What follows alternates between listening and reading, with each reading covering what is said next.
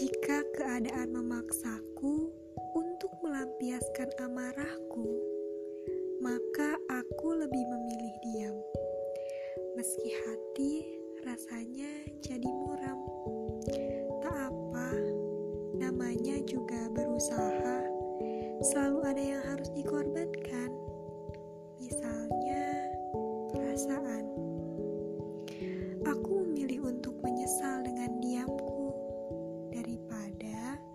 harus menyesal karena marahku. Diamku memberontak jiwaku, tapi tak ada orang yang tahu. Amarahku memberontak sekitarku.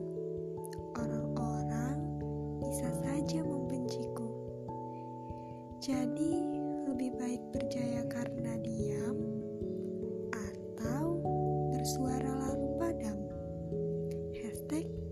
pesan